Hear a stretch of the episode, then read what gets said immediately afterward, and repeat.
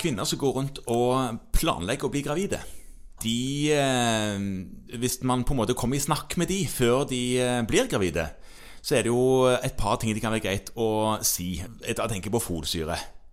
Ja, Ja. Du tenker ikke generelt å advare mot å få barn? Nei, eh, altså jeg, for det første så sier jeg da må du kutte ut p-piller.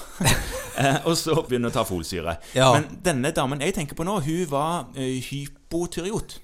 Så hun brukte Levaksin. Ja. Og hun kom av det, for hun hadde fått med seg at eh, det var lurt å si til legen at du var gravid dersom du brukte eh, Levaksin. Ja, det er kjempelurt. Ja, det er Altså, det er egentlig kjempelurt, og det er òg lurt av legen å informere om at hvis du har tenkt å bli gravid, så må du snakke med meg. Nettopp. Det tror jeg vi glemmer ganske ofte. Ja, Vi glemmer nok det ganske ofte, men heldigvis så kom hun. Enten fordi jeg på et eller annet tidspunkt har sagt det til henne og glemt det, eller at hun har fått det med seg på et eller annet annet vis. Ja. Hun kom nå iallfall før hun ble gravid, og da snakket vi litt om det. Og så kom hun etter noen måneder og var blitt gravid. Ja. Og da måtte jeg justere litt på Levaksin. Ja, og det kan du bare forberede deg på, fordi at ved de fleste graviditeter så må du opp i vaksindose for å holde god kontroll på stoffskiftet. Ja vel, hvordan vet jeg at jeg har god kontroll, da? Nei, altså, gravide skal ligge mellom 0,5 og 1,5 i TSH. Bør måle de ofte.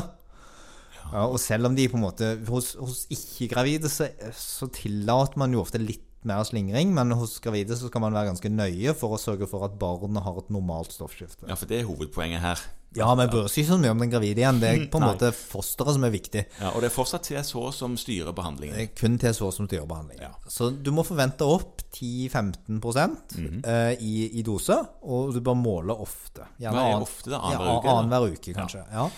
ja. Og passe på det gjennom svangerskapet, og det kan endre seg, fordi at um, Du vet at når man er gravid, eller det vet du jo ikke, du har jo ikke prøvd, Nei. du har sett noen som er gravide, er så er det masse rare ting som skjer med hormoner, og det skjer en del med vekt og væskeomsetning og forskjellige ting som gjør at Følg godt med. Følg godt med. Ja, og det gjorde vi, og det gikk veldig bra. Ja. Eh, denne damen eh, fødte et velskapt menneskevesen, Ja.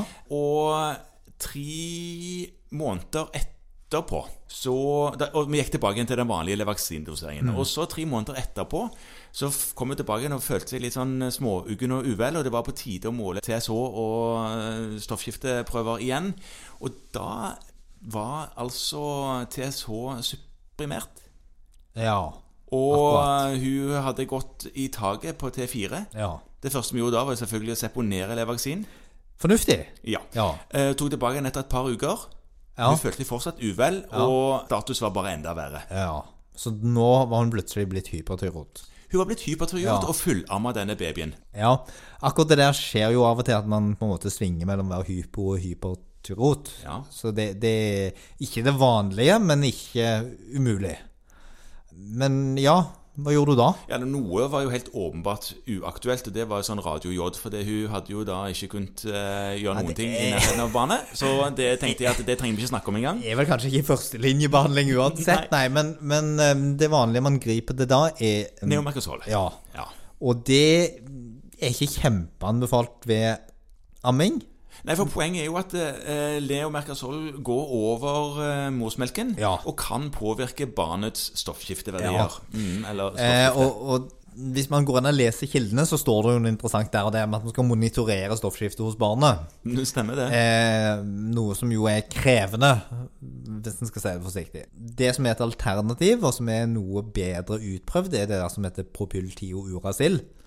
Ja, det er et annet middel. Ja, som er alternativet til neomercosole, og som er mye, mye mer erfaring med, og som fremstår å være trygt ved amming. Det er jo tyrostatika. Ja. Ja. Så til ammene så kan man godt gå for det. Mm -hmm. Fortsatt så skal man jo overvåke barnet i forhold til eventuelle bivirkninger.